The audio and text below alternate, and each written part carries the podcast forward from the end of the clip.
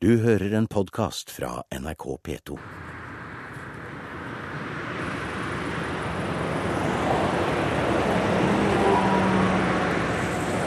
Vi kommer inn i Yorkshire fra flyplassen i Newcastle og blander oss med den tunge trafikken sørover på A1.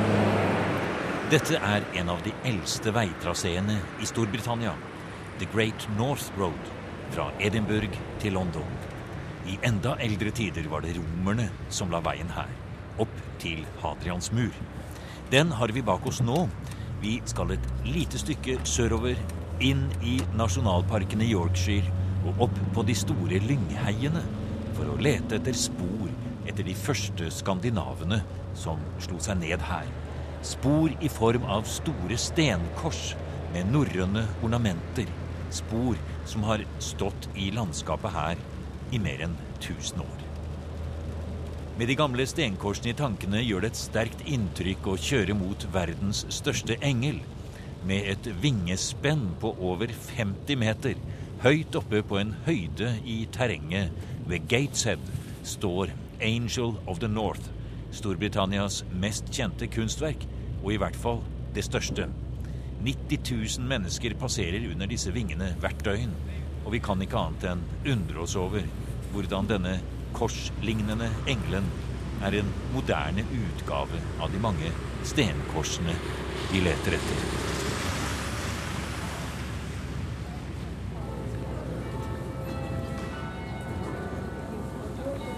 Det er middelalderkirken i Durham, bispesete, kloster og relikviekirken til St. Cuthbert vi stanser ved som vår inngang til denne reisen i urkristendommen på de britiske øyer. Det var jo en av de første store katedralene som ble reist. Vi snakker om tiden like etter første korstoget og begynnelsen av 1100-tallet. Det er da denne kirken ble, ble reist. For datiden var jo dette et uh, gjennombrudd i byggeteknikk. Det fikk jo en slik utforming fordi det var bygd rundt, uh, rundt Cuthberts skrin. Det var hans helgenskrin som dette rommet skulle huse. Og det skulle innrettes slik som vi ser det, også fordi at pilegrimene skulle kunne komme hit og finne seg til rette her og kunne, kunne vandre opp, oppover langs sideskipene og opp til opp til selve skrinet som sto der oppe i høykoret som vi ser mot nå. Og så vandre nedover det. og for så vidt samme, Det er jo samme type kirke i så måte som, som i Nidaros.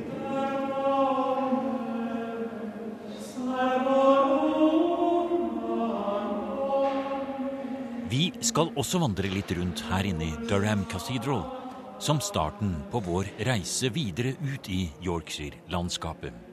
Det er Jan Schumacher førsteamanuensis ved Det teologiske menighetsfakultetet i Oslo, ekspert på den tidligste kirkehistorien og ordinert prest både i Den norske og anglikanske kirke, som skal lede oss inn i historien om hvordan to tenkesett møtes, den nye kristne lære og den norrøne og skandinaviske verden. Og grunnen til at vi starter her, i det mektige bispesetet fra normannisk tid, er to munker fra 600- og 700-tallet. De aller første som utformet og preget den kristendommen som skandinavene kom i kontakt med.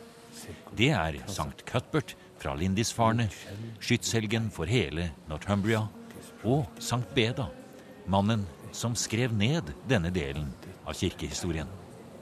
Altså, Kristus er Kristus er morgenstjernen som, som, den, nei, som har forandret denne verdens natt til livets lys. Det er litt komplisert latin her. Natt skal forvandles til livets lys.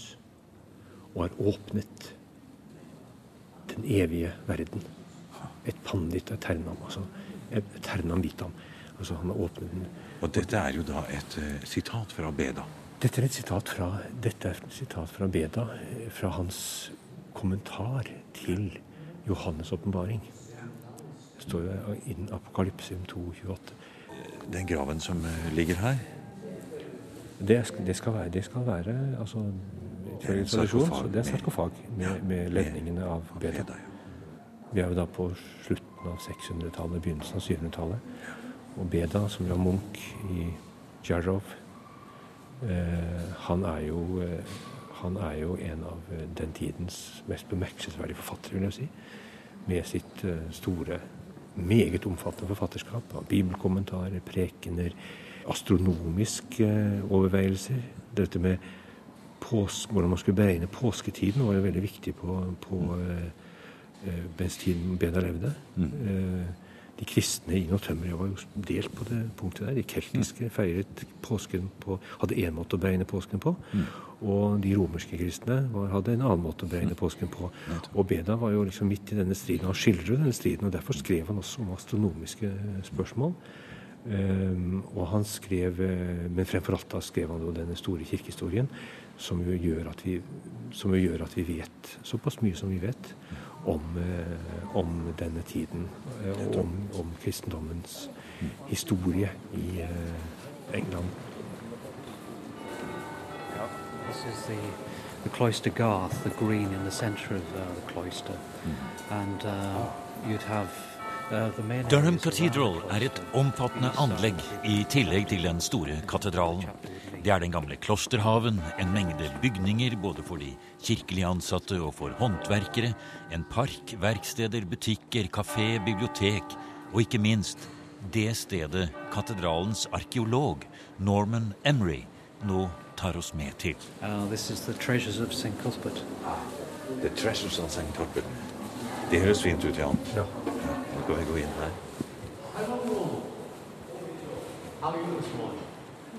Og det vi faktisk har her, det er et lite museum her inne i eh, Durham Cathedral. Og det er et flott museum. Vi gleder oss til å se på noen helt spesielle ting her, eh, Schumacher.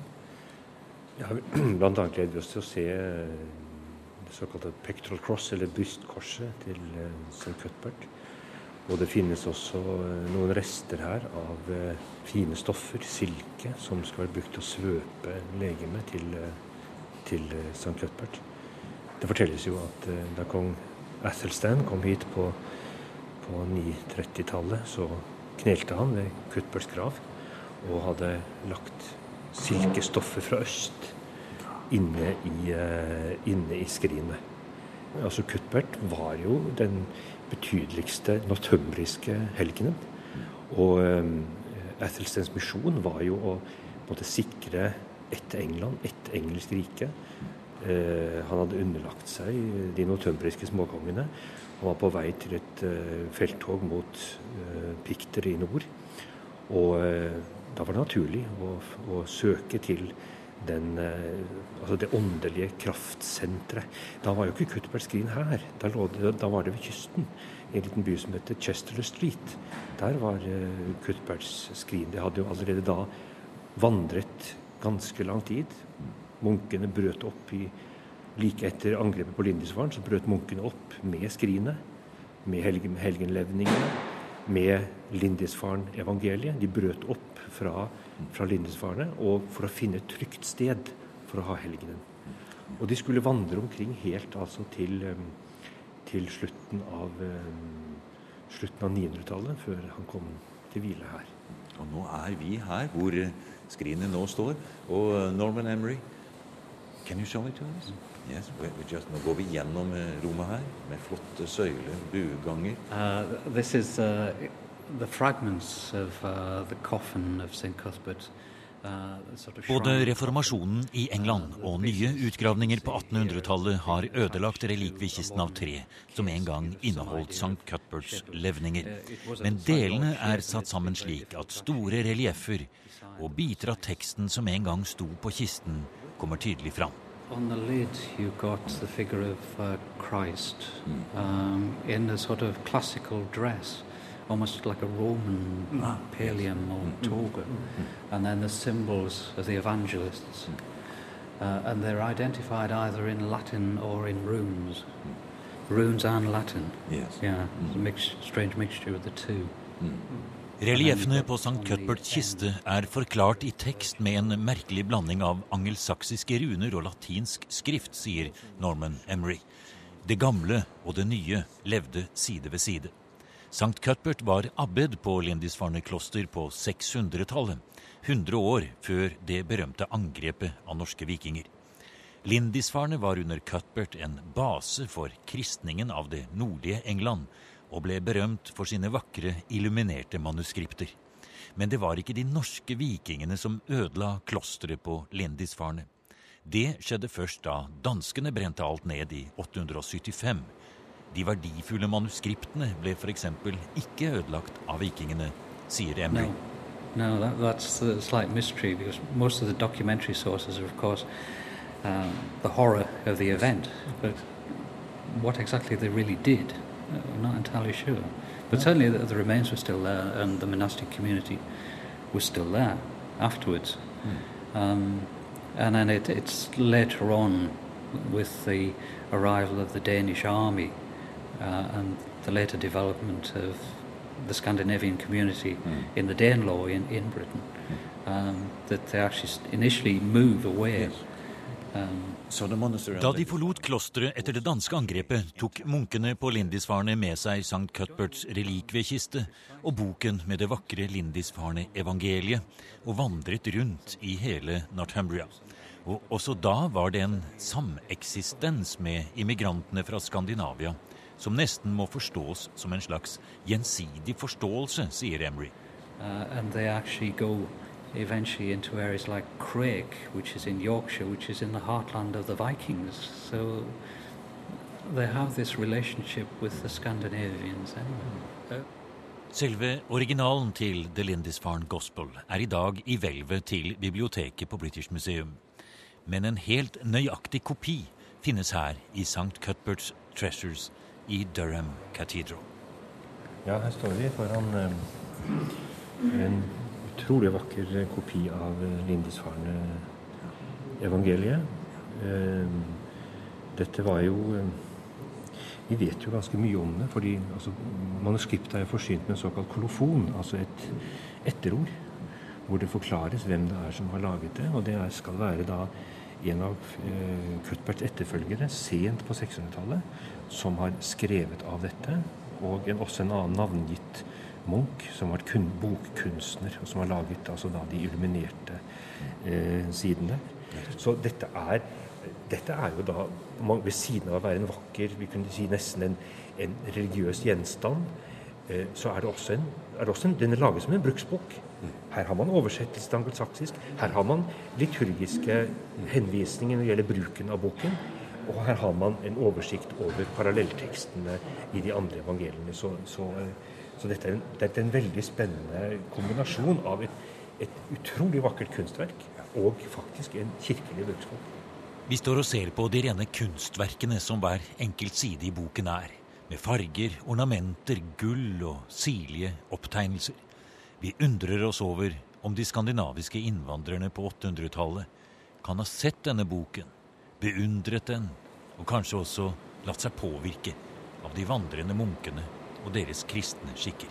Man vet jo ikke helt hva dette skal, hvilken funksjon det har. Men hvis man ser på dette her, så ser man jo at det er et tydelig korstegn i dette her. Man ser jo tydelig et kors, og det er mange kors i dette her. Det er kors i kors. Og så er det også en viss sånn assosiasjoner er av ja. labyrintiske Det er voldsomt dekorativt, og så er det da tekst på den andre siden. Og man kunne jo Ja. tenke seg at prestene gikk rundt i kirkerommet, holdt denne boken opp, viste den fram, gikk rundt med den som et uh, visuelt uttrykk. Og det er det, det er det andre interessante ved dette her. For man kan si altså Forskerne har jo, eh, har jo vært opptatt av at altså, teppemønstre det mange, finner vi paralleller til i både koptisk og syrisk eh, kultur. Men det som vi har på andre siden, som også er eh, illustrasjon av den første linjen i dette evangeliet, det er, det er utrolig spennende. for her ser vi egentlig hvordan det stedegne, abstrakte kunstuttrykket, altså ornamentene, er brukt her til å fremheve og dekorere den første bokstaven, de første linjene. Og dette, dette er ikke laget for å gjøre teksten mer leselig, men det er for å, jeg er helt sikker på at det er gjort for å, måtte vise frem at dette er en dette er, en, dette er hellig ord. Dette er, dette I, er, I begynnelsen var i ordet begynnelsen var ordet. Eh, og- og det, og det, det fremheves her ved et, et billedlig uttrykk, ved hjelp av ornamenter og farger, som helt sikkert har betydd noe for de menneskene som bodde her oppe. Og som, og, og, og som så disse, disse, disse skrifttegnene her. Så dette er, dette er den si, Her ser vi den si, angelsaksiske eh, ornamenteringskunsten, altså disse uttrykkene, tatt i bruk i en, i en kristen evangeliebok.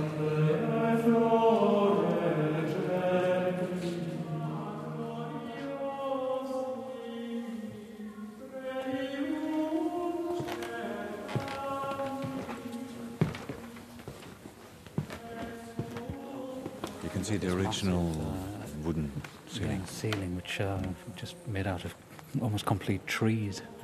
Uh, it's probably one of the most impressive monastic dormitories around. Opp 800 år gamle trapper, og inn kommer vi i det som en gang var sovesalen til munkene i klosteret her ved Durham Cathedral. Et langt, høyt og luftig rom med tunge bokskap langs veggene. Taket med de massive, originale eikebjelkene. Og utover i rommet en stor samling angloskandinaviske stenskulpturer som er samlet inn fra området rundt Durham. We have uh, quite a an important collection um, from Brompton and Arncliffe uh, in North Yorkshire, in the heartlands of Vikings, uh, and these are termed hogbacks because they have a, a sort of curved roof to them. Hogbacks. Navnet kommer fra likheten både i størrelse og form med ryggen til en stor gris som står og roter i bakken. Disse stenskulpturene er egentlig skandinaviske gravstøtter med en rik utsmykning. De er laget som små vikingehus med krummet tak, og i hvert hjørne er det et dyr som ligner på en bjørn, med poter og klør. Men de er muscled, sier Norman Emery. Bjørnene har munnkurv på seg. There, there are examples where you have shingles, um, wooden tile type roof patterns, and slightly bowed, and it's it's often suggested that these are the shapes of you know Viking buildings, you know, so, or, yeah. even like the Trelleborg um, Yeah, barracks. yeah, yeah, I see. Uh, but the, the slightly unusual thing with these, So, so then it would be the house where the dead would dwell inside. yes, something like that. But uh, you've also on these you've got bears, muzzled bears, which are holding the ends. Mm, I see. Uh, yes, you can so see. It's-. It's possibly something to do with the strength of the animal or the, some form of protection, but um, th- they're- they are muzzled for some reason.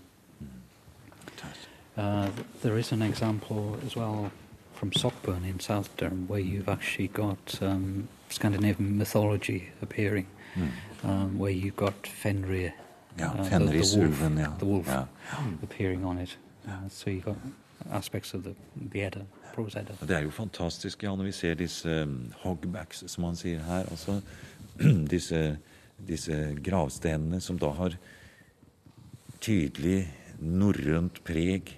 Eh, noen også med Fenrisulven på, eh, og dette klassiske vikingornamentene på seg. Men da på kristne kirkegårder Ja. i Yorkshire. Ja da, det er, jo, det er jo et eksempel på denne veldig spennende si, altså, Dette veldig spennende møtet mellom to kulturer. Mellom ulike religiøse tenkesett. Og eh, vi har jo ikke skriftlige kilder på dette her. Eller vi kan si de skriftlige kildene vi har, er jo, er jo skrevet av kristne munker, og de har på en måte gitt det sin fremstilling. Eh, Vi får jo en gang imellom får jo noen glimt av disse på en måte denne dialogen. Det fins jo en, en scene hos historikeren Beda. Eh, fins det en sånn scene nettopp fra, nettopp fra Northumbria om en samtale i, i kongens eh, gjestehall, og hvor de, hvor de snakker om religion. Og hvor du får Synes det på liksom ulike verdisystem som, som møtes. Men, men her er det jo, er det jo i, dette, i dette som er hugget inn i sten, som skal liksom forklare oss litt om, om dette. Og vi, vi må jo bare innrømme at vi er en stor oppgave kan si, både for tanke og for fantasi å forsøke å sette seg inn i hvordan dette, eh, dette møtet har skjedd, og hvordan disse billeduttrykkene har, har fremkommet.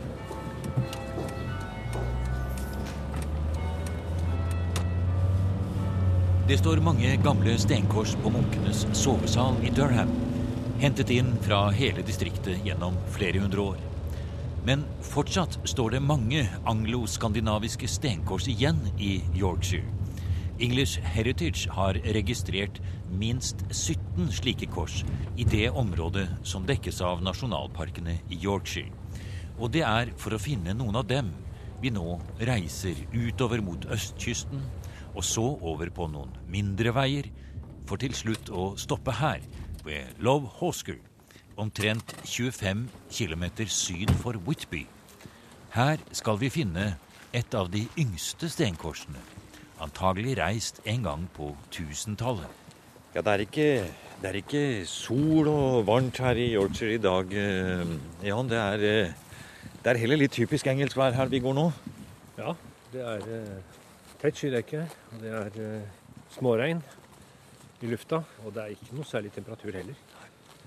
Eh, men eh, vi har kjørt i, dag gjennom et eh, veldig fascinerende landskap som har satt oss i den rette stemningen, får jeg tro. Ja, for vi har stoppet bilen her, og vi har gått inn langs en sånn footpath, som det jo er mange av her i England.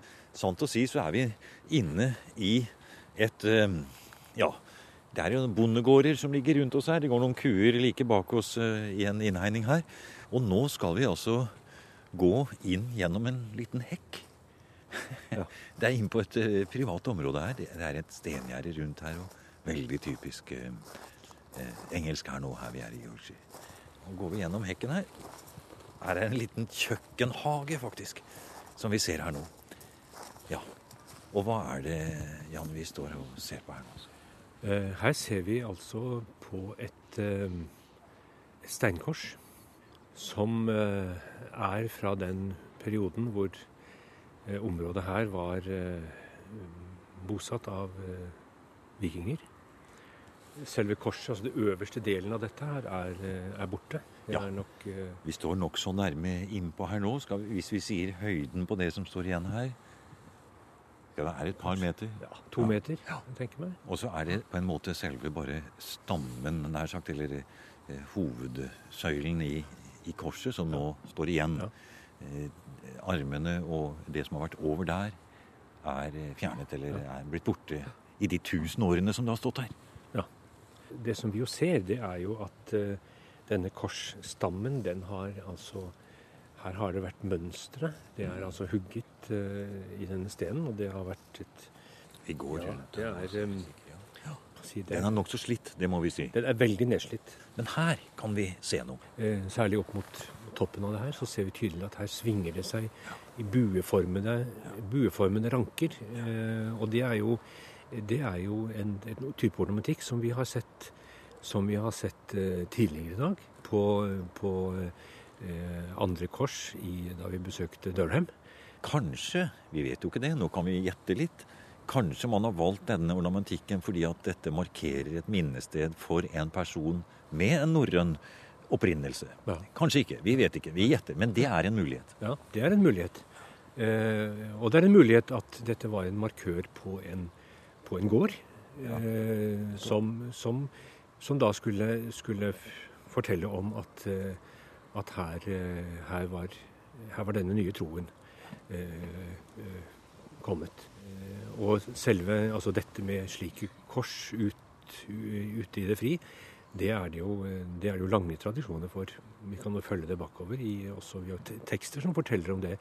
Eh, at det ikke var uvanlig eh, på 700- og 600-tallet. At det ikke var uvanlig at man hadde kors stående i, ute, ute i det fri. Og de beskrives da også faktisk som det vi nærmest kunne kalle kultplasser.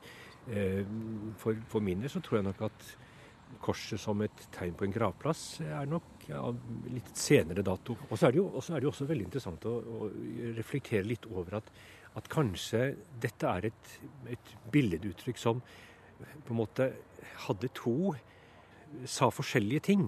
Altså, Hvis dette var en type ornamentikk som, som eh, skandinaver var fortrolig med, hvis det var noe som de kjente til, så, så hadde det samtidig også en, en betydning som, som, hadde å gjøre med den kristne troen. Altså. Det er jo En måte å si dette på er jo, er jo tanken om korstreet som et livets tre.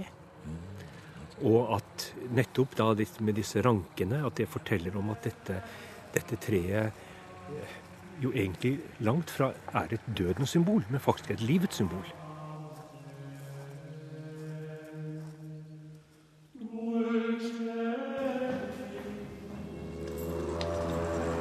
Du har nå hørt programmet Museum fra NRK P2 i en versjon uten musikk. Museum sendes hver lørdag klokken 16 og på søndag morgen klokken 8 i P2. Adressen er museum.krøllalfa.nrk.no, og museum er nå også på Facebook.